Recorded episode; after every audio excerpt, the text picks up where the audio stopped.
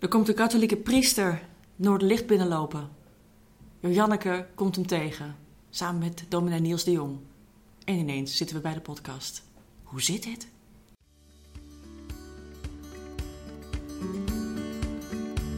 Welkom bij de Noorderlicht Rotterdam podcast.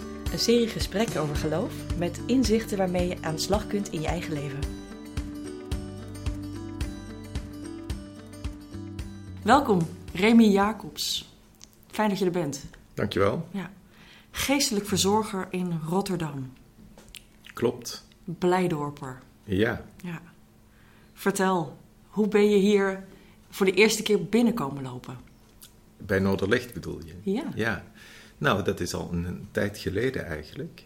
Uh, Wanneer was dat? Ik, nou, ik, ik kan het me niet meer precies herinneren, maar het moet minstens zes jaar geleden zijn, of, of misschien nog wat langer. Want ik woonde toen nog niet in Blijdorp. Ik woonde toen in de binnenstad, in uh, de Witte de Witstraat. Dus midden in het leven van Rotterdam. En ik was eigenlijk uh, op zoek naar uh, een manier om, om, om een stilteplek te creëren. Hm. ik wilde graag een stilteplek voor, voor de stad, omdat ik zoiets had van: ehm, deze stad is zo rumoerig en hoe kun je die stad nou stil krijgen? Ja, want iets in mij, en ik denk dat de luisteraar misschien dat ook wel doorheeft, uh, zegt dat je niet uit Rotterdam komt. Nee, dat klopt. Ik kom uit, uh, ik kom uit Limburg. Ik heb uh, acht jaar in Limburg gewerkt als priester. in Maastricht en, Ro en Roermond en omstreken. Um, en ik kom oorspronkelijk uit een heel klein dorp, ergens in de buurt van Maastricht, in een heel mooi klein dalletje met een waterval en uh, heuveltjes. Nou, de, de, luisteraars zullen dat wel kennen van Limburg. Um, ik ben daar opgegroeid in, de, in, de, in dat dorp en in de oostelijke mijnstreek toen nog, Parkstad. Um, uh, mijn ouders hadden een horecazaak, of meerdere horeca, horecazaken. En um, van daaruit ben ik priester geworden. En uh, dat is ook een heel verhaal apart, maar in ieder geval toen ik eenmaal priester was, ben ik in Maastricht en daarna in Roermond en daarna nog in Maastricht uh, gaan werken. Hm. Ja. Dus uit de stilte van Limburg en het priesterschap daar Ja. ben je in Rotterdam terechtgekomen. Klopt. Wat, uh, wat dat, dat fascineert me altijd. Wat maakte voor jou dat je voelde dat je priester wilde worden? Ja, dat is, een, dat is een, toch een aardig verhaal. Uh, in, op Aswoensdag 1984, toen was ik, of eigenlijk de paar dagen daarvoor, je hebt dan altijd carnaval, hè? Zeker. Was ik voor het eerst uit met wat uh, vrienden van mijn koor, van mijn jeugdkoor. Uh, een vriend en een vriendin en een nichtje van haar. En het grappige was dat um, ik denk dat ik een soort van kalverliefde had voor dat vriendinnetje. Weet je, zo, zo, zo, zoals jongens dat hebben op, Ja. die, op die leeftijd. Ik kwam veel bij haar. Zij was ook eh, een, een, eh, eh, zij was een wees, overigens. Eh, zij, zij had alleen nog haar moeder, half feest dan. En, ehm, en zij was altijd ziek. En dus ik kwam heel veel bij haar. En Hm. we hadden een goede connectie. We luisterden naar Billy Joel en eh, Barbara Streisand en dat soort dingen. En ehm, nou ja, goed. En toen, op het moment dat we dus carnaval vierden, toen op die dinsdagavond, ehm, voor als woensdag, toen, eh, toen kreeg mijn beste vriend, met wie we waren, iets van een relatie met haar. Nou ja, Ja, voelde jij je even belaten ik voelde me belazerd. Oh, nou ja, ik had natuurlijk helemaal geen idee wat, wat, wat verliefdheid of, of Hmm. wat dat was. Maar ik voelde wel zoiets van, verdorie. Dit was niet de bedoeling. Nou gaat hij met, eh, met Ja. haar eh, aan, aan de haal.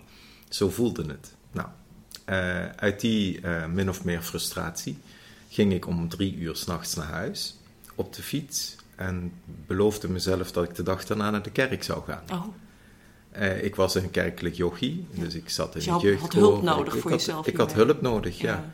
Dus ik ging naar de kerk en eh, daar eh, was de Eucharistieviering en, en de Aswoensdagviering. En de priester die, die tilde de hostie zo omhoog en zei: Dit is mijn lichaam dat voor jullie gegeven wordt. Mm.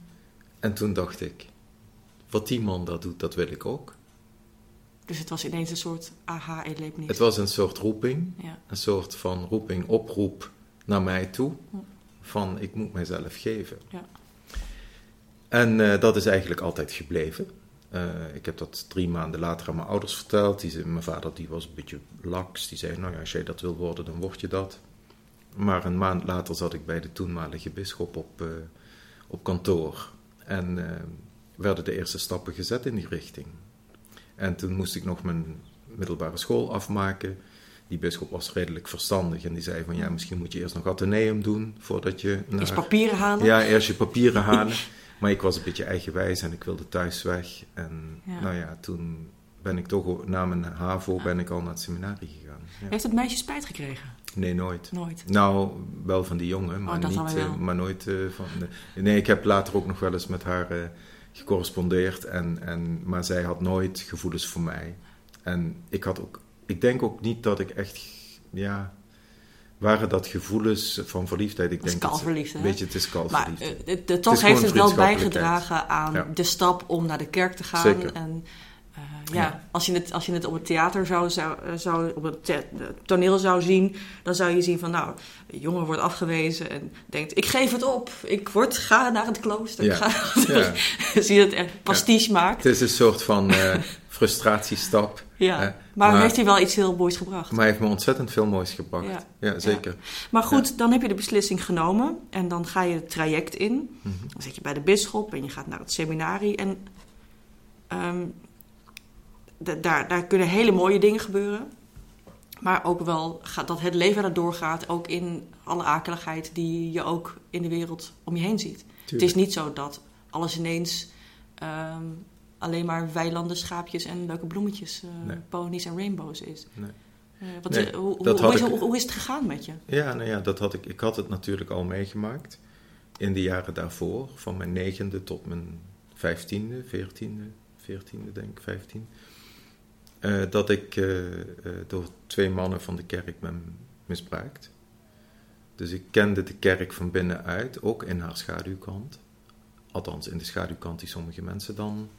hè, Nou ja, dat, dat lijkt me nogal een schaduwkant. ja, hè? En, ehm, en ik was, ehm, ik was daarin meegenomen door het feit dat, ja, kijk, thuis was het natuurlijk geen koek en ei. En ik was een relatief gevoelige jongen, Hm. kwetsbare jongen ook. Ehm, maar volgens iedereen lag ik een beetje voor, sociaal. Ik was heel erg sociaal Een wijze jongen voor was een leeftijd. beetje wijs voor de leeftijd. Eh, maar dat kwam ook omdat ik dingen meemaakte die anderen nog nooit hadden meegemaakt. Maar eh, mensen hebben eh, eh, iets bijna onvergeeflijks gedaan en hebben Ja. zich aan je vergrepen. Ja, dat klopt. Op jonge leeftijd. Op hele jonge leeftijd. Wat en- gruwelijk voor je. Ja, en ik heb dat pas later gevoeld. Dus je voelt dat pas later dat Ja. het iets gruwelijks is. Ja. Ik ben eh, pas in 2018, dus kun je je voorstellen, dat was, 2000, dat was 19, pakweg 79 tot 84 ongeveer. Jemig. In 2018 ben ik pas naar de plek teruggegaan. Waar het gebeurde. Ben ik op dezelfde plek gaan liggen waar de man mij neerlegde. En heb ik pas gevoeld welke afweer ik eigenlijk had. Ja. En welke, Hoe erg het was. En hoe erg het eigenlijk Ja. was. Ja. En wat ik eigenlijk heb doorstaan. Ja. En eh, met de andere, het was, de een was een getrouwde dirigent van een koor, van het jeugdkoor. Die werkte voor de kerk natuurlijk, voor de parochie. De ander was een priester die scouting eh aalmoezenier was. En die tegelijkertijd mentor was van de, eh, van de LTS. En die dus zeg maar 25 jaar lang jongens heeft misbruikt in die parochie. Dat is En- gruwelijk. Het is afschuwelijk, ja. ja. En het is afschuwelijk in die zin ook dat de parochie nog steeds, sommige mensen zijn er nog steeds die dat niet geloven. Dat, is hij dat heeft wel kunnen het- gedaan. Da- Ik, ik, ik ga niet zeggen wat het ergste is, want Nee. dat is voor iedereen anders. Ja. Eh, maar niet geloofd worden om iets wat werkelijk gebeurd is, Ja. dat is de, de meest grondige vorm van invalidatie. Ja. En ehm, Ja. ontkenning van iets wat, wat werkelijk aan iemands identiteit kan, eh, kan zagen. Ja. En knagen. Ja, ja, Ja. En, en het. het eh, Ja. Kijk, eh, als slachtoffer, of als, ik zeg altijd als survivor, Mhm. hè, als overlever Ja. van, van wat er gebeurd is. ehm,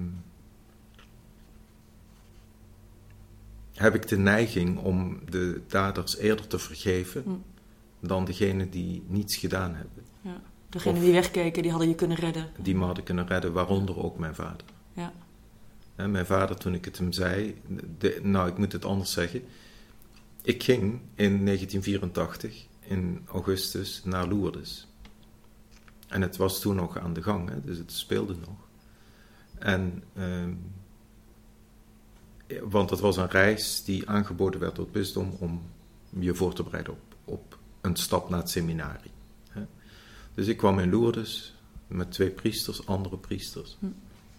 Allemaal priesters dus. hè. Allemaal Maar, priesters. ja, maar goed, eh, dat was een goede priester en, die, en daar ging ik biechten wat er gebeurd was. Dus Ja. alsof ik het schuld was dat het gebeurd was. Dan word je ook gebrainwashed, ook door zo'n dader, hè? Ja. Dat je het gevoel krijgt dat het jouw schuld dat is. het jouw schuld is. Ja, dat is afschuwelijk. Dat is echt Dat is echt verschrikkelijk. afschuwelijk.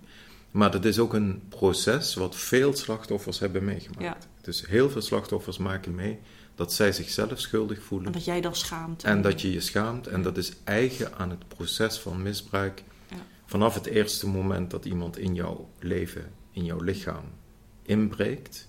Op een manier die jij niet wil. Ja. En waar jij geen macht over hebt. Want dat is het heel belangrijk. Hè? Ik heb daar geen macht over gehad. was ondergeschikt aan Was ondergeschikt. die priester. En dat is, Ja, nou ja, en afhankelijk. Hè? ja.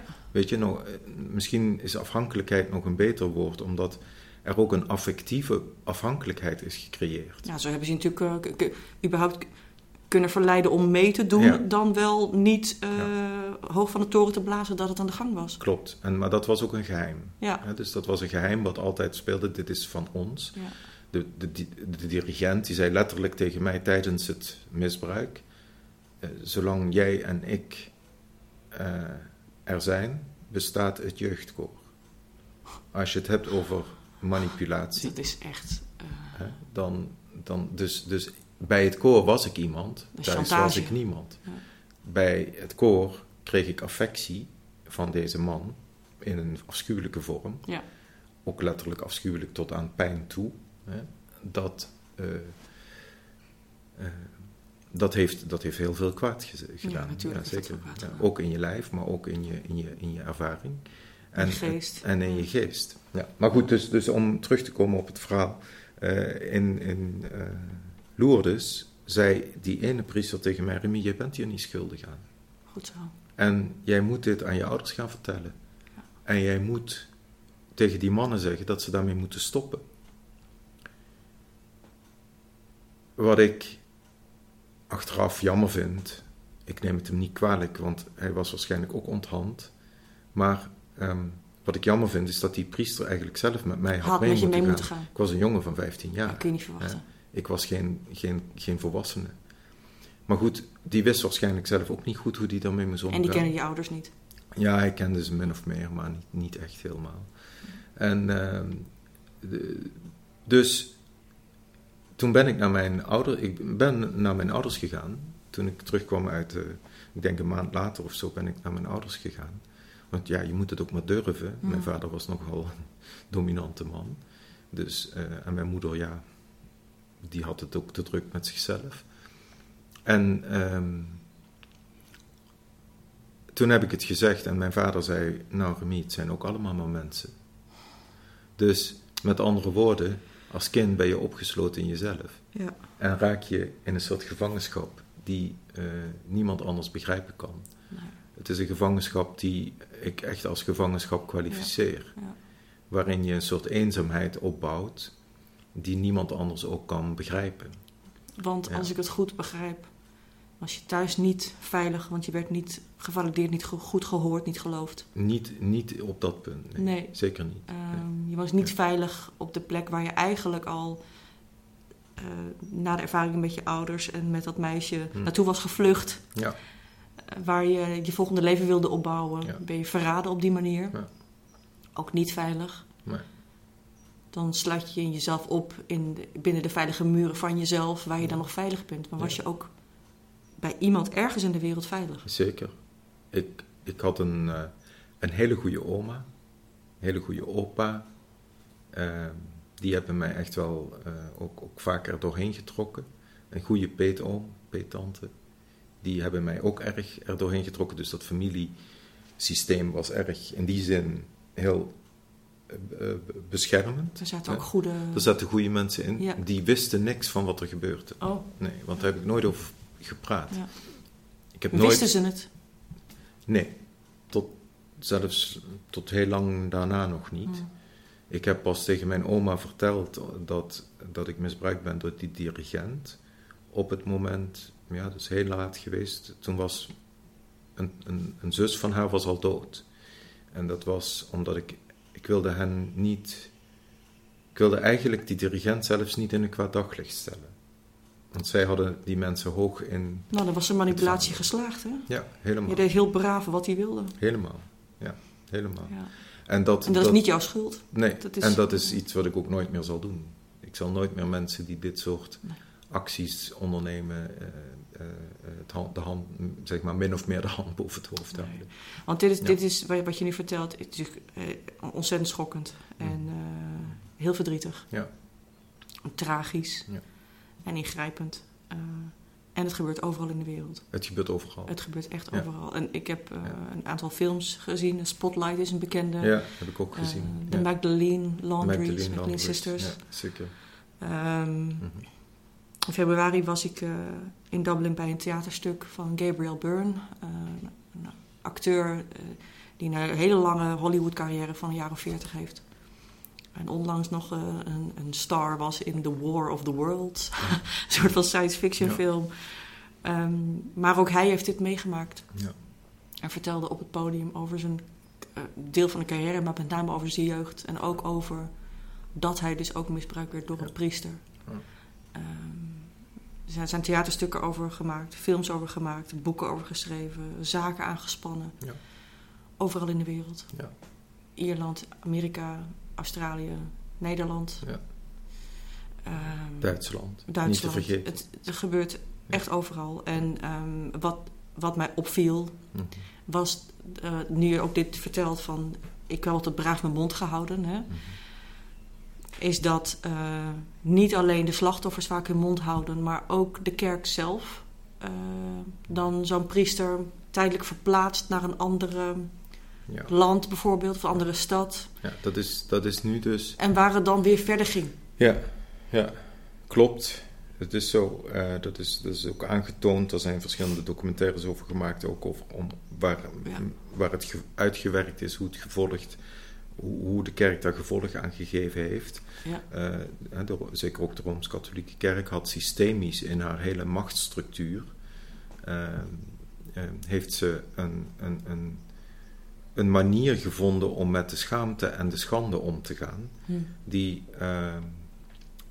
die niet adequaat is geweest, die tekort heeft gedaan aan de slachtoffers Ja. en vaak in sommige landen nog steeds tekort doet aan de slachtoffers. Ja.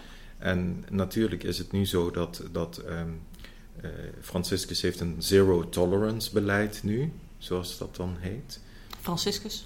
De, de huidige paus, hè, die heeft een, een zero tolerance beleid ten aanzien van priesters die ehm, eh, in, in, in dit soort zaken over de schreef gaan. En wat, wat houdt dat in? Wat, wat is dan de sanctie? De sanctie is dat zij eh, sowieso worden overgedragen, moeten worden overgedragen aan de, aan de justitie. En De wereldse aan de, justitie. aan de, aan de seculiere hè, Ja. justitie. Eh, maar ze krijgen ook een, een proces van de kerk aan de broek. Ja.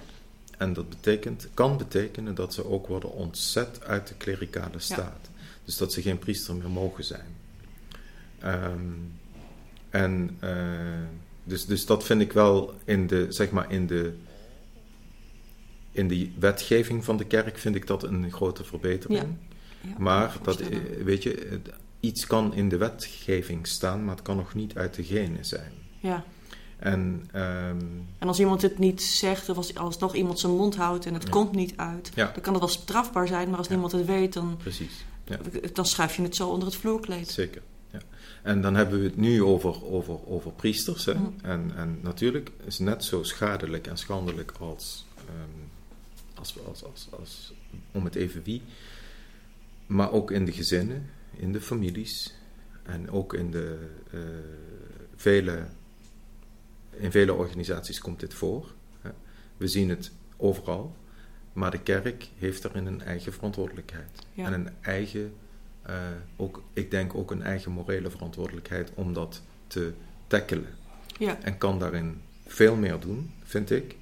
Eh, in Nederland zeker vind ik dat het veel te stil is rondom dit onderwerp. ja, Eh, men is na de commissie Deetman, hè, de, de, de uitkomsten van de commissie Deetman, die veel heeft gedaan eh, om dingen te inventariseren en historisch te plaatsen, in de historische context te plaatsen, ja.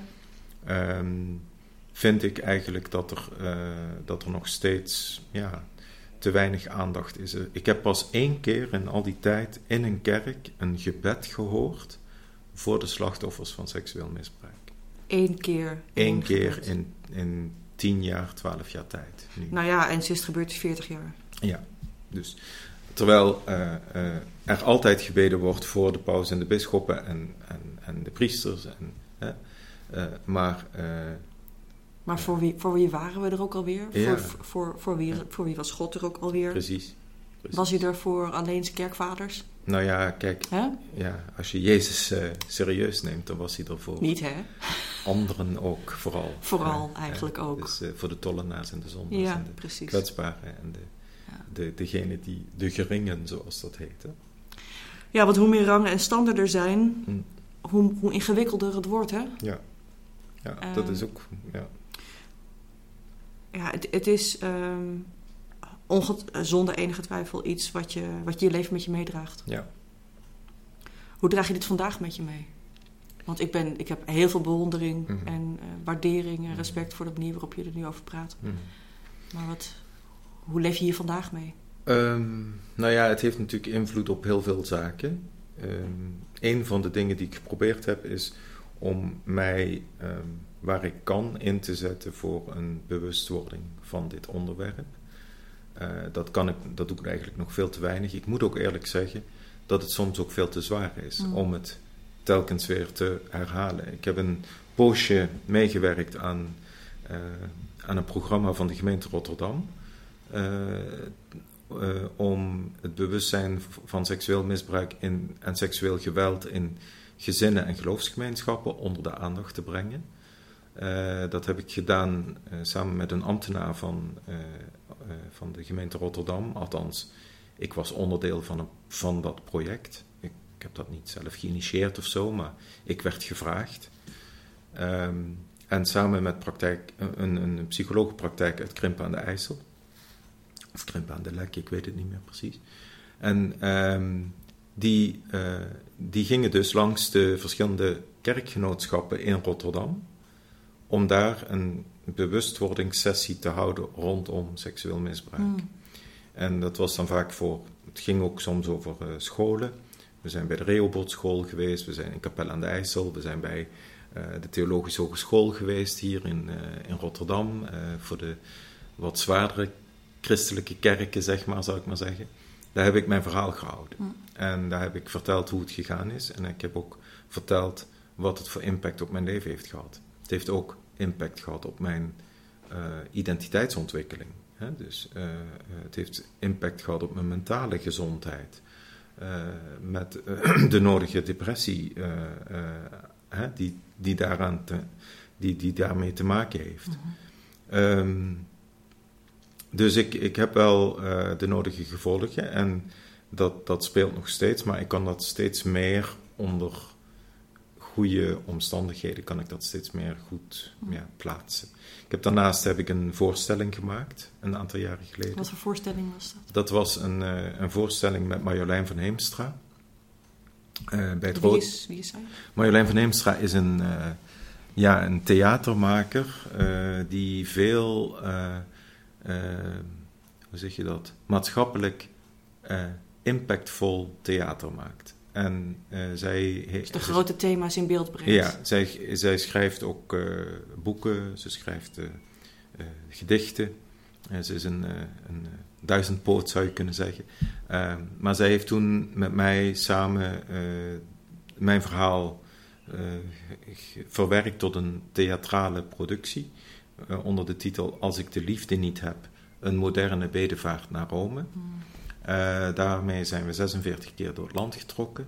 Eh, in verschillende theaters en heb ik het verhaal verteld in een theatrale setting. En dat was uitermate mooi, was, uh, heeft heel veel mensen getrokken. Ja. en ook Ontzettend moedig ook. En heeft ook, veel, ja, dank, en heeft ook veel slachtoffers geholpen, denk ik. Om ja, want ik bedenk me dan hè, met zo'n roadshow langs de ja. scholen en mm. langs de theaters. Ja. Hoeveel mensen waren stil totdat ze dat zagen. Hoeveel mensen durfden niks te zeggen totdat ze het hoorden. Ja, er zijn er best veel geweest, denk ik. Maar de, ik denk ook dat... Nou ja, het, is, het is onmogelijk om er een cijfer op te plakken. Ik kan er geen cijfer op plakken. Want je weet het niet, omdat het zo'n onzichtbaar probleem is. Maar wat er wel is. Wat ik, wat, ik wel, wat ik wel weet, is dat zowel mijn, uh, in mijn eigen familie er mensen met veel tranen naar mijn verhaal hebben geluisterd zich ook misschien wel af en toe schuldig hebben gevoeld omdat ze het niet gezien hebben. Want je ziet het natuurlijk niet. Dat is natuurlijk maar je verbergt het, ook goed dan? Als, kind. Ja, nee, je verbergt het heel goed. Want het is natuurlijk, je, je, je leeft in een geheim. Hè? Uh, dat is het. Niet in het geheim, maar in een geheim. Ja, wat je is toevertrouwd, waar je deelgenoot van bent en waar je niks over mag zeggen, omdat je ergens ook voelt van eigenlijk is niet de bedoeling dat andere mensen dit weten. Ja, precies. En als andere mensen dit weten, dan vinden ze mij niet meer oké. Dan laat ik jou vallen. Ja, ja. dus dan laat ik jou vallen. Dan, is het, dan bestaat het koor niet meer. Ja. Of uh, zoals die uh, priester, die, die nodigde iedere, ieder jaar zes jongens uit om in een redactie van het, uh, van het groepsblad van scouting te zitten. En hij deed dat heel geniepig. Hij nodigde iedere keer drie jongens uit die wat die wat krachtiger waren en drie jongens die wat kwetsbaarder waren. Hmm. Het waren dan makkelijkere slachtoffers? De machte, makkelijkere slachtoffers, maar het viel natuurlijk helemaal niet op. En uh, wat hij deed was op het kampterrein, als je samen met, het met, met de scouting op kamp ging, dan, uh, dan moest iedere jongen moest bij hem in de tent komen, omdat hij dan de zogenaamde hospik was van het kamp. Dus de, de, de, de medicijnman, zou je kunnen zeggen. Met een, uh, uh, en dan ging hij voelen of je, uh, of je wel goed ingedaald was als jongen. Hè? Dus of je balletjes wel goed ingedaald waren. Ik zeg het maar even heel concreet zoals het ging. Ja, zo concreet is het dan dus ja, ook. Zo concreet is het. En daaruit haalde hij dan de jongens die het meest kwetsbaar waren. En daaruit haalde hij dan zijn slachtoffers. En het die is werden, werkelijk een brute selectieperiode. Ja, en die werden dan die werden dan gewoon toegevoegd aan de redactie van het blad. En niet alle jongens die daarin zaten werden misbruikt. En aan zijn harem. Maar die werden dus toegevoegd aan zijn harem, om het zo te noemen. En vervolgens uh, nodigde hij je uit om in de grote vakantie drie weken met hem naar Zwitserland te gaan. Daar had hij dan een huisje gehuurd. En je kon geen kant op. Je kon geen kant op. En, er waren dus, en iedere week, iedere, dus, iedere week lag een andere jongen bij hem op de kamer. Het is werkelijk schokkend. En vervolgens werd er dus. Uh, ik kan me nog goed herinneren dat een van ons, dat was eigenlijk de, de jongen die ook ontzettend veel last ervan heeft gehad, hmm. nog steeds misschien wel.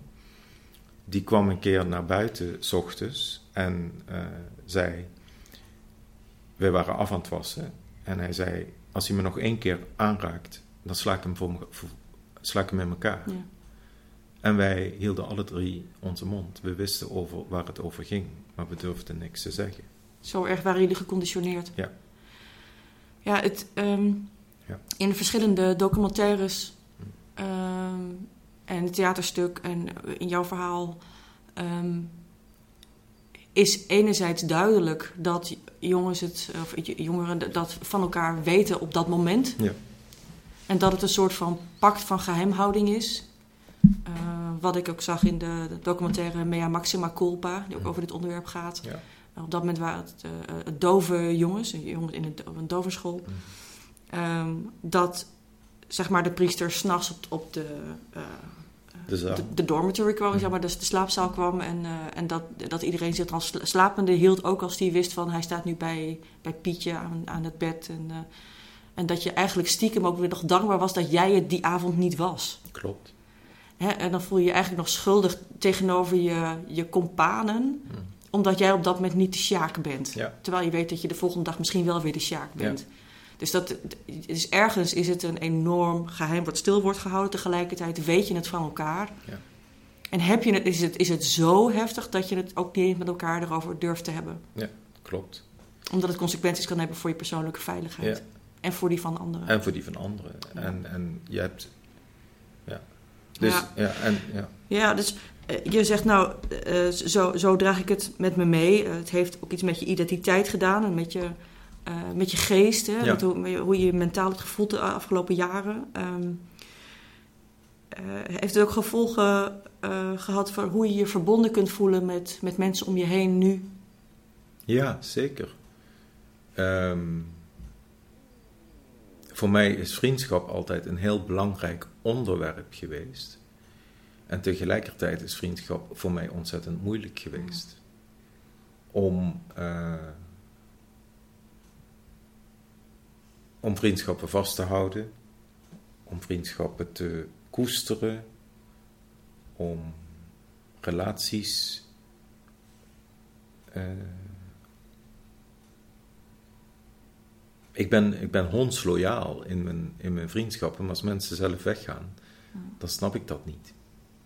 Ehm, maar ik ben soms ook misschien wel veel te, te. Ja, hoe moet ik het zeggen? Laat ik een voorbeeld geven. Ik geef gewoon één voorbeeld. Ehm, eh, mijn beeld van vriendschap is soms te idealistisch. En dan investeer ik heel veel, terwijl de ander veel te weinig investeert of niet In, investeert in jouw mij. perceptie, ja. voor mijn perceptie, terwijl die Mhm. toch wel investeert. Mm. Maar het geloof hebben dat iemand in jou investeert, of het voelen dat iemand echt in je investeert, is kapot. Want eh, die, dat gevoel hè, van eh, echt voelen van binnen dat iemand om jou geeft, dat is beschadigd door het feit dat die mannen eigenlijk helemaal niet om jou gaven. Ooit van toen, Ooit. vroeger. En Ja. dat zit ook in mijn ouders, want dat zit natuurlijk, dat is wel gekoppeld. Dat moet je echt. eh, Als ze de andere kant op kijken. Ja, nou ja, niet alleen dat, maar ook. eh, en daarom dat ik echt pleit voor affectieve verbinding van ouders met hun kinderen. Ja.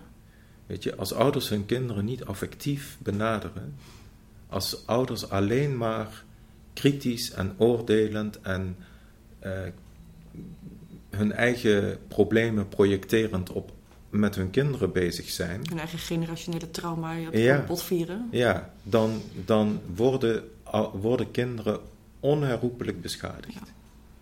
En kinderen zijn heel veerkrachtig. Ik ben ook veerkrachtig geweest in die tijd. Je kunt het zeker ook overwinnen, hè? maar, ehm, Maar het heeft een hoge prijs. maar het heeft een hoge prijs. Hè? En, en eh, hetzelfde geldt voor de manipulatie van de liefde. Hè? Dus de illusies van de liefde, die, eh, die zijn talrijk. ja. En eh, eh, zeg niet dat je van iemand houdt als je het niet doet. Ja, ja. En zeg niet dat je, dat je om iemand Lieg geeft. niet over liefde. Als je, nee, lieg Nee. niet over liefde. Nee. Nee. Nee. Heeft Herman van Veen een heel mooi liedje over. Oh, dat weet ik niet. ja, het heet volgens mij het liedje. Ehm, lieg niet over liefde. liever ga ik de diepte in. Lieg niet over ziekte. Hm. Ehm, ik heb liever dat je de waarheid zegt. Ja. Eh, dan dat ik me verlies in een van jouw lieve verzinsels. Ja. Want daarin verlies ik mij dieper. Ja. Dus niet helemaal perfecte tekst, maar Nee, maar goed. Het, ja. maar, en waar ik het ook nog even Ja. over zou willen hebben, is eh, als je het hebt over de identiteit, over de worsteling met je seksualiteit. Ja, Eh, misschien kan ik dat toch want je hier- had ooit een Ja. voor dat meisje. Ja, en de, de worsteling met je seksuele identiteit is ook een ding. Blijft een ding. Is iets wat je. de, de, de, de impact van seksueel misbruik op je, op je seksuele ontwikkeling en je identiteitsontwikkeling kan enorm zijn. Hoe was het voor jou? Nou, kijk, ik heb. Ehm, ik heb denk ik al vanaf mijn twaalfde het gevoel dat ik op mannen val. Dat komt natuurlijk ook door dat misbruik gedeeltelijk. Maar ik weet achteraf dat het ook komt door mijn vader en door mijn moeder. Uh, in ieder geval door mijn vader. Uh, mijn vader heeft, en ik zeg het nu maar heel open, dat is, dat is best wel veel wat ik nu vertel, maar mijn vader heeft 25 jaar lang zijn leven niet kunnen leiden, was gevangen in het huwelijk. In het, in het, uh, in het systeemhuwelijk. In het systeemhuwelijk. Ik, wil, ik ben erge voorstander van het systeemhuwelijk. Laten we dat vooropstellen. Ik ben erge voorstander van uh, uh, menselijke verbinding tussen man en vrouw. Maar ik ben ook erg voorstander van vrijheid voor uh, uh, mensen die anders voelen. Anders. Zijn wie je bent. Ja, wie je zijn werkelijk wie je bent. Wie je werkelijk bent. Ja. En ik weet nog steeds niet helemaal, denk ik, wie ik werkelijk ben. En ik denk dat ik tot aan mijn dood daarover zal twijfelen. Maar. Um, nou ja, of, in, of, er, of er daar gaat zoeken. Of, het, of, het is ja. niet dat je de, zeg maar, uh, als een soort van toverbal alle kleurtjes er vanaf moet gaan, gaan, gaan likken om te kijken wat er ook alweer in Nee. de kern zat. Nee. Want je bent gewoon wie je Ja, bent. Precies. En je, je, hebt je leven, zolang je ademt, mag, Ja. je, mag je op onderzoek uitgaan om te Ja. kijken wie je bent. En het gaan ontdekken. Maar het, het, het, het, laat ik zeggen, wat voor mij het belangrijkste daarin is, is dat zeg maar in de ontwikkeling van een kind Ja. dat zichzelf moet ontdekken en zichzelf moet vinden, of mag vinden, hè, dat daarin dus de, de generationele overdracht een belangrijke rol speelt, Ja, maar dat misbruik daarin verwarring schept ja, en het heel kapot maakt. en zelfs kapot schept, eh, maakt. En, en, en die verwarring die bestaat erin van is dat misbruik nou een katalysator geweest of een aanleiding of een oorzaak van een bepaalde ontwikkeling. En dat onderzoek, dat, dat is dus voor iemand die, tenminste in mijn geval, ik spreek voor mezelf, ik hoef niet voor anderen te spreken, maar dat is in mijn geval zeker een, een grote worsteling Mm. geweest. En soms nog. Mm. En eh, ehm, Hoe is je levenssituatie nu? ik, ik leef nu samen met mijn partner 15 jaar. Eh, eh, we zijn eh, samen heel gelukkig. Wat goed om te horen. Ja, en we hebben een. Laatst zeiden we nog tegen elkaar van. Misschien zijn we wel te gelukkig. Zo van. alles gaat ons eigenlijk een beetje voor de wind nu. Ehm, maar ook in de. In de, in de laat ik zeggen. eh, eh, wat ik net al zei van. Hè, in het voelen van dat iemand echt van je houdt. Is voor mij altijd een soort van terughoudendheid. Het soort kat uit de boom kijken van klopt het wel? N- nou, dat is het misschien nog. Nee, het is meer een soort leegte Hmm. die onopvulbaar is. Ja, het is een leegte die niet te vullen is door niemand. En uiteindelijk is voor mij, hè, ook als priester, want ik ben natuurlijk ook priester geworden. Vaak heb ik gedacht, het is een soort Stockholm-syndroom van eh, hè, je, je, krijgt zo'n connectie met de dader, hè, dat je je gaat identificeren met de dader en dat soort dingen. Hmm. Nou, het, zou, het zal vast kunnen vanuit psychologisch oogpunt, maar ik heb ook altijd een roeping gevoeld. Ik heb altijd iets gevoeld wat mij aandrong om dit te blijven doen. Ik heb altijd gezegd, achter het altaar, dus daar waar ik als priester sta, en op de, preek, op de preekstoel, de kansel, daar ben ik eigenlijk het meest mezelf. Het meest bij mezelf. Misschien ook wel onaantastbaar. Dat zou zomaar kunnen. Ja, maar dat heb ik nooit zo direct ervaren, maar dat zou kunnen. Hè. Maar daar ben ik in ieder geval het meest mezelf. En, en ehm, toen ik dus in 2004, eigenlijk al in 2003, maar in 2004, echt merkte van dat mijn, eh, mijn homoseksualiteit zo'n grote rol ging spelen in mijn leven, dat ik daar steeds meer mee ging worstelen, ook in relatie tot het celibaat. ja, Eh, want een priester mag dat eigenlijk. mag dat allemaal niet beleven en mag dat ook zeker niet uitleven. En bovendien werd in onze opleiding gezegd dat homoseksualiteit een zware intrinsieke zonde was. Dus dat dat ook een, een, een, een zware... De ironie, eh, die, die ga- gaat echt als een, als een soort van tsunami over ons heen, omdat eh, precies datgene ook jou is overkomen in diezelfde kerk. Ja, en, en, en, en, en tegelijkertijd is de, het onderscheid tussen pedoseksualiteit en homoseksualiteit wordt bijna door sommigen niet gemaakt. Hè? Uh, en, en er zal ongetwijfeld ook in de homoseksuele wereld en ook in de heteroseksuele wereld zal er allerlei uh, misbruik zijn. Hè? Maar ik, ik wil alleen maar zeggen dat, um, uh, dat ik op een bepaald moment ervoor koos om geen dubbelleven te willen leiden. Zeker geen geheim dubbelleven. Ik wilde een leven leiden dat openlijk was. Ook als dat mensen niet bevalt. Goed zo. En ook als dat mensen uh, soms tegen de religieuze schenen schopt. Uh, niet omdat ik de religie, religie, niet erken, maar het primaire is God erkennen. Ja. En het primaire is erkennen wie je bent in de ogen van God. Dat is het allerbelangrijkste. En een van mijn pastoors zei tegen mij: Remy, om recht voor God te kunnen staan, moet je hebben leren knielen. Nou, als ik iets heb geleerd, dan is het knielen. En als ik iets heb geleerd, dan is het te kunnen, recht voor God te kunnen staan. Wat dacht je van opstaan? Ja. Sta ja. maar gewoon wie je Sta bent. Sta maar voor wie je bent. Ja. En, en, uh, uh, en Wat deed dat met je, dat die man dat, dat zei? Terwijl je eigenlijk voor een hele duidelijke levenskeuze stond. Um, nou, dat maakt, het maakte mij juist vrij. Omdat ik, het, het heeft te maken met oprechtheid. Het heeft te maken met uh, oprecht voor God durven staan en zeggen van nou goed, als ik dat niet kan, dan, kan ik het, dan moet ik het op een andere manier doen. En nu zeg ik, tien jaar later, vijftien jaar, uh, wat is het, vijftien jaar later, nee, tien jaar later, vijftien jaar later, zeg ik, um, um, wanneer gaan de ogen van de kerk open? Hmm. Voor die diversiteit die er ook is. Hè? En voor de, de goedheid die er ook is in de levens van mensen die zo lang hebben geworsteld met die, uh, uh, met die onderdrukking. Want Ja. dat is het feit.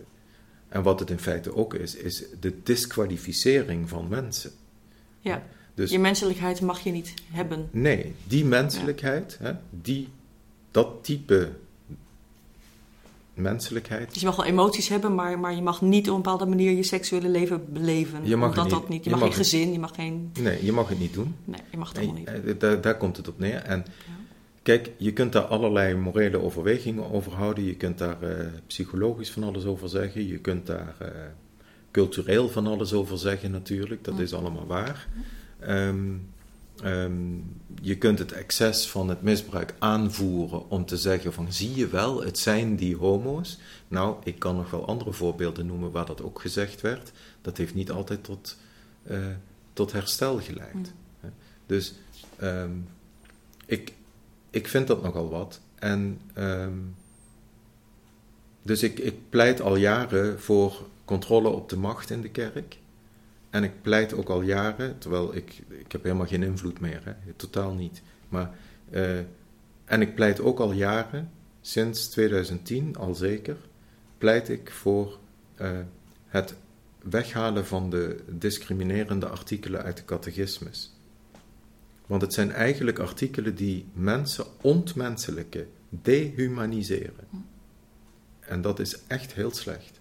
Want als je dat doet in een kerkelijke catechismus, dan zeg je eigenlijk, deze mensen horen er eigenlijk niet te zijn. Nee. Ook al zeg je, pastoraal moeten we goed voor ze zorgen. Ja, maar, maar desondanks is diegene niet goed genoeg zoals die is. Ja. Hoort hij er niet bij? Ja. Niet goed genoeg? Ja. Niet in onze club. Je mag het wel, je mag wel in de club, want kijk, het is natuurlijk zo, Als je er maar niks mee doet en als je er maar niet over denkt. als je maar stil bent. Ja. En als Ja. ik kijk naar het, als ik kijk, weet je, en als ik kijk naar, weet je, als je, als je dan in een kerkelijke gemeenschap komt, en hier zul je dat misschien ook wel hebben eh, ervaren, je komt als mannen in een kerkelijke gemeenschap. Nou, iedereen accepteert je, iedereen neemt de hoed voor je af en zegt, eh, zegt niks over je. Vraagt ook nooit van, goh, hebben jullie het goed met elkaar? Ehm, vraagt ook nooit, een, een, een, een priester zal nooit vragen van, goh, eh, hoe, hoe, hoe beleven jullie nou je geloof te midden van hè, Als je leeft als een kloosterling, dan zou het mogen, Hmm. hè, samen. Maar als je niet, als je niet leeft je als een, niet doet, dan, dan- dan is er ergens iets mis. Ja. Dan moet je toch weer gaan, eh, gaan verantwoorden waarom je zo leeft. Ik heb die. ehm, eh, ik, ik, ik, ik, ik ben zelf niet katholiek, dus ik weet niet Mm. eh, hoe dat. Hoe dat ik neem 100% van jou wat Mm. je zegt. Want Mm. eh, ik herken natuurlijk ook in alle verhalen en de Mm. boeken en de documentaires. Maar bij Noorderlicht heb ik die ervaring niet Nee. dat, dat er zo Nee. stigmatiserend wordt eh, Nee. gepraat. Eh, of dat dingen worden ver- verzwegen op Maar die er wordt manier. gewoon niet gepraat, weet je. Dat is, dat is ook een vorm van doodzwijgen. Er wordt heel veel wel, wel gesproken en wel gezegd hier. Ja, maar ik bedoel hier niet. Ja. Nee, nee, nee, nee, ik bedoel niet hier. Ik bedoel in de katholieke kerk Ja, wordt er gewoon niet gepraat. Ja, dan, dan is de stilte er. Nou, wat we- een van de zinnen die eh, het, het, het meest voor mij eh betekenen had, was, was toevallig in die context. Eh, en het heeft geleid bij mij tot het schrijven van een boekje over hoe ik wees ben geworden en Mhm. hoe ik daarna ehm, mijn leven heb opgebouwd en met adviezen van hoe jongeren dat nu zouden kunnen doen. En vooral de mensen om hen heen vooral, want de- die zijn de makers of brekers. Ehm, en dat was een zin die diezelfde acteur waar ik het daar straks over had, die Gabriel Byrne, Mhm. eh, vertelde in een heel kort eh videootje op zo'n premièreavond door zo'n journaliste, zo'n showbiz-journalist, Mhm. die zei van... Gabriel, why did you share that with, with this fantastic career? Weet je, waarom deelde je dit over je misbruik? Mhm. Samen met die acteur die dat ook heeft meegemaakt. Eh, op, de- op dit punt van je carrière, waarom doe je dit? Mhm. En toen zei hij één zin en die maakte dat mijn hele jaar veranderde in één klap. Mhm. Hij zei: We lie by silence, and silence is the enemy. And if we shut up about this, we are guilty by collusion. Ja. Wat betekent, we liegen, door, we, we liegen door stil te blijven. En de stilte is de vijand. En als wij stil blijven, dan zijn wij medeplichtig aan andermans lijden. Zeker. Zeker. En dat is waarom ik in mijn voorstelling met Marjolein Ja. als een van de Die zo belang- vorm aan geeft. Ja, Ja. eh, eh, dus, dus als ik de liefde niet heb, Ja. eh, een van de belangrijkste zinnen uit die Voorstelling. voorstelling is: spreken is liefde. En het verdragen, om het te horen is ook, het, en dat verdragen is ook liefde. Ja, zeker. Dat, Ja. dat, daar, Ja. zit, daar zit een, een tweeweg verkeer in. Ja, zeker. Mooi. Ehm, eh, je bent in dagelijks leven geestelijk verzorger. Mhm. Nou, je weet zelf hoe het is om met wat tegenslagen te Mhm, leven. Met eh, eh, wat lasten die je met je meedraagt. Eh, maar die je ook verrijken als persoon. Op een, wat ik niet bedoel van wat goed dat je het hebt meegemaakt. Maar meer Nee, maar dat, dat je weet wat de lading Ja. is waar mensen mee kunnen leven. En hoe het ook- is om met zo'n lading te leven. Ja. Of met een andere lading te leven. Mhm. Ehm, dus je geeft eigenlijk op, eh, op een hele praktische manier zinvol vorm aan, aan dat wat je hebt meegemaakt, maar ook over hele andere onderwerpen. Als, eh, weet je, want je werkt in het ziekenhuis. Ik werk nu in het ziekenhuis Ja, dus en mensen die ziek ouderenzorg. Ja, ja, dus, eh, ja. Nee, je komt, je, kijk, je, je, je, je snapt heel goed wat impact is. Ja. En je snapt ook heel goed wat, wat eh, verlies is. Je, dat snap ik ook door andere onderdelen van mijn leven. Maar goed, Ja. de, je weet heel goed wat, wat verlies is. Je snapt ook wat leegte is, eenzaamheid. Eh, het niet kunnen spreken over dingen waar je eigenlijk over wilt spreken. Dus ik zeg altijd, als je leegte voelt als geestelijk verzorger, heb je de ruimte om te luisteren. Hm, Want die leegte kun je vullen met het verhaal van de ander. En die kan daarin resoneren. mooi. En dat is een soort, eh, Dus het niet vol praten, maar het vol luisteren. juist, Mooi, juist. prachtig. Ja. Eh, ik denk dat dat een, sowieso een hele wijze levensles is Mhm. voor bijna iedereen. Mhm. Dat, dat denk ik zeker. Eh, ik kan me ook voorstellen dat als je te maken hebt met mensen die ziek zijn, eh, soms zullen ze op leeftijd zijn, soms zullen ze jong zijn, Ja. dat zij eh, als, als bijvoorbeeld eh, terminaal ziek zijn, die zul je ongetwijfeld meemaken, Ja. ehm, dat je dan te maken hebt met mensen die ook terugkijken. Ja. En eh, net als jij ook van 40 jaar langer eh, terugkijkt van dat is toen gebeurd, Mhm. dat droeg ik met me mee, wat moet ik er nu mee aan het eind? Mhm. Hoe is dat voor je? Kijk, we weten nooit wat aan de andere kant is. Nee. Het enige wat we weten is dat er een God is die barmhartig is. Tenminste, dat is mijn geloof. Ja. En die er, dat erbarmen van God en die liefde van God, die is zoveel groter dan alles wat we elkaar aandoen. Erbarme dich, mein Gott. Ja, Ja. absoluut. Ja. En als je dat hoort van Kathleen Ferrier of andere mooie eh, zangeressen, of, eh, daarin kan ook iets meeklinken van. Uiteindelijk zijn de geheimen veilig bij God. Alle geheimen. Maar je moet over de geheimen durven spreken, ergens. En ook dan ben je veilig bij God. En ook dan ben je veilig bij God. En, Want ik ja, heb je een aantal keren het woord leegte horen zeggen. Ja. En ik dacht steeds, en ik zeg het eigenlijk nu pas, eh, misschien is die leegte wel ruimte voor God. Wellicht, zeker. Ja. Misschien is dat wel de plek waar we God vinden. Of waar God zich laat vinden. Hm.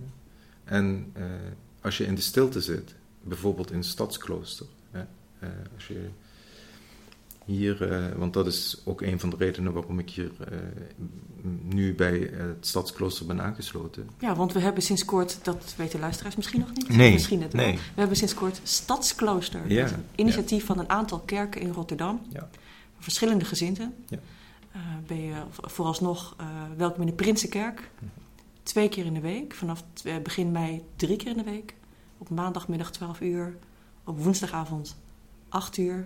En op eh, vrijdagochtend half acht. Yes. Het is nu ook vrijdagochtend. Dus Ja. vanmorgen waren wij beide bij het Stadsklooster. Ja. En dat is een moment waarop eh, er ruimte is voor stilte. Voor wat bijbelteksten. Soms een stukje muziek. eh, om stil te staan bij, bij het leven, bij het geloof. Ja. Ehm, en Remy gaat aanstaande woensdag voor de eerste keer ook dat stadsklooster begeleiden. Ja. En dat vind ik dus mooi dat Niels me daarvoor ook eh, wil inzetten. Of heeft, aan- of heeft gevraagd. En ik vind het mooi om dat ook te doen. Ik, ben, ik hou van kloosterlijk, de kloosters. Hè? Kloosterlijk leven hou ik van. Ehm, en zeker midden in de stad. En als je het dan hebt over stilte en leegte. Er hoeft hier even niks. Er hoeft echt helemaal niks. Je hoeft is- maar, alleen maar te zijn. Ja, het is geen zelfhulpprogramma. Het is geen eh, hoeft zelf. niks. eh, je hoeft gewoon niks, weet je. Eh, het is zijn in een ruimte waarin iets tot je kan spreken of niets tot je kan spreken, waar je jezelf mag horen of niet hoeft te horen, waar je gewoon ook de innerlijke ruimte mag verkennen en gewoon er mag zijn. En dan heb je toch gekregen wat je al die jaren geleden in de Witte Witstraat wilde vinden. Ja, nou ja, in ieder geval Stilte is, in de dit, stad. is dit een heel mooi begin. Ja, is een heel mooi begin. Ja, Ja, wat mooi. Ja. Ja, het, eh, na het eerste stadsklooster ontmoeten we elkaar ook in de gang. Ja. En Niels zei van, jullie moeten even met elkaar gaan kletsen. Ja. En toen wisten we eigenlijk binnen drie minuten wel dat we een podcast gingen maken. ja, zeker. ik heb daar helemaal geen spijt nee, van. ik ook niet. Nee, we, nee zeker niet. we hebben zelfs Nee. een keer heel spontaan, eh, wat, wat niet de bedoeling was, woensdagavond. Eh, na het stadsklooster dacht ik dat de deur goed dicht zat en dat ik even in mijn eentje een liedje kon zingen. Dat doe ik soms wel eens. Hm. Eh, omdat ik zondags niet naar de diensten ga. Ja, En toen, eh, toen kwam je stiekem binnen. ja met Samen met ja. Riet. Ja, ja, en toen gingen we met z'n drieën een liedje zingen. Ja, mooi. En het was een heel mooi moment. Ja, zeker. En ik denk dat een hele mooie opmaat voor dit gesprek. Ehm, ik ben heel dankbaar dat je hier naartoe bent gekomen. Dat je, je ook je weg vindt bij Noorderlicht. Ik hoop het. Ja, want, wat ja. natuurlijk een, een protestantse kerk is. Ja, zeker. Ehm, wees welkom. Mhm. Ehm, ik denk dat verschillende ervaringen alleen maar verrijkend kunnen zijn voor, voor iedereen, voor beide. Eh Stadsklooster is een, een prachtige aanvulling op niet alleen Noorderlicht, maar ook denk ik alle kerken in, eh, in Rotterdam. Ja, Omdat je inderdaad niks hoeft, maar je mag, het mag wel. het mag wel. Het mag wel. En ehm, wat, wat, wat ik jou eh, toewens is dat er vooral heel veel mag in je leven. Ik heb natuurlijk gevraagd van wat breng je Noorderlicht en eh, wat, wat doe je. Maar eigenlijk zou ik nog één vraag willen stellen. Wat heb je nodig? Wat zou je willen ontvangen? Ehm,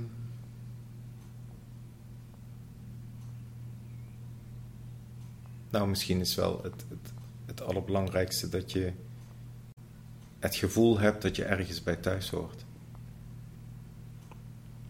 Je mag hier thuis zijn. En misschien durf je dat zelfs nog wel met ik te zeggen. Ja, ja, ja.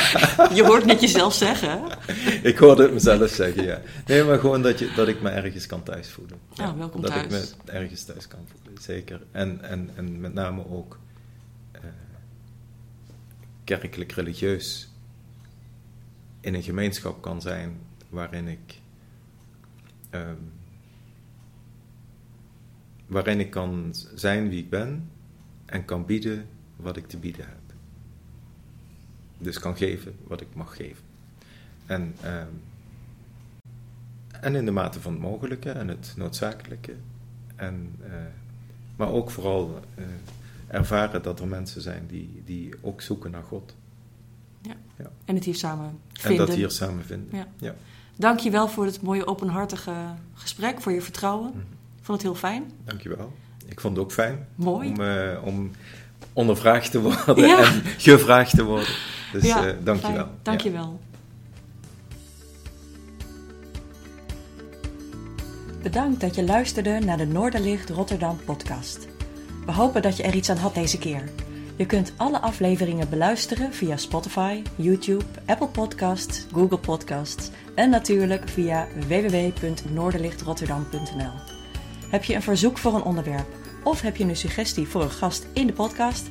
Stuur dan een mailtje naar podcast.noorderlichtrotterdam.nl of vertel het ons via Twitter. Tot de volgende keer!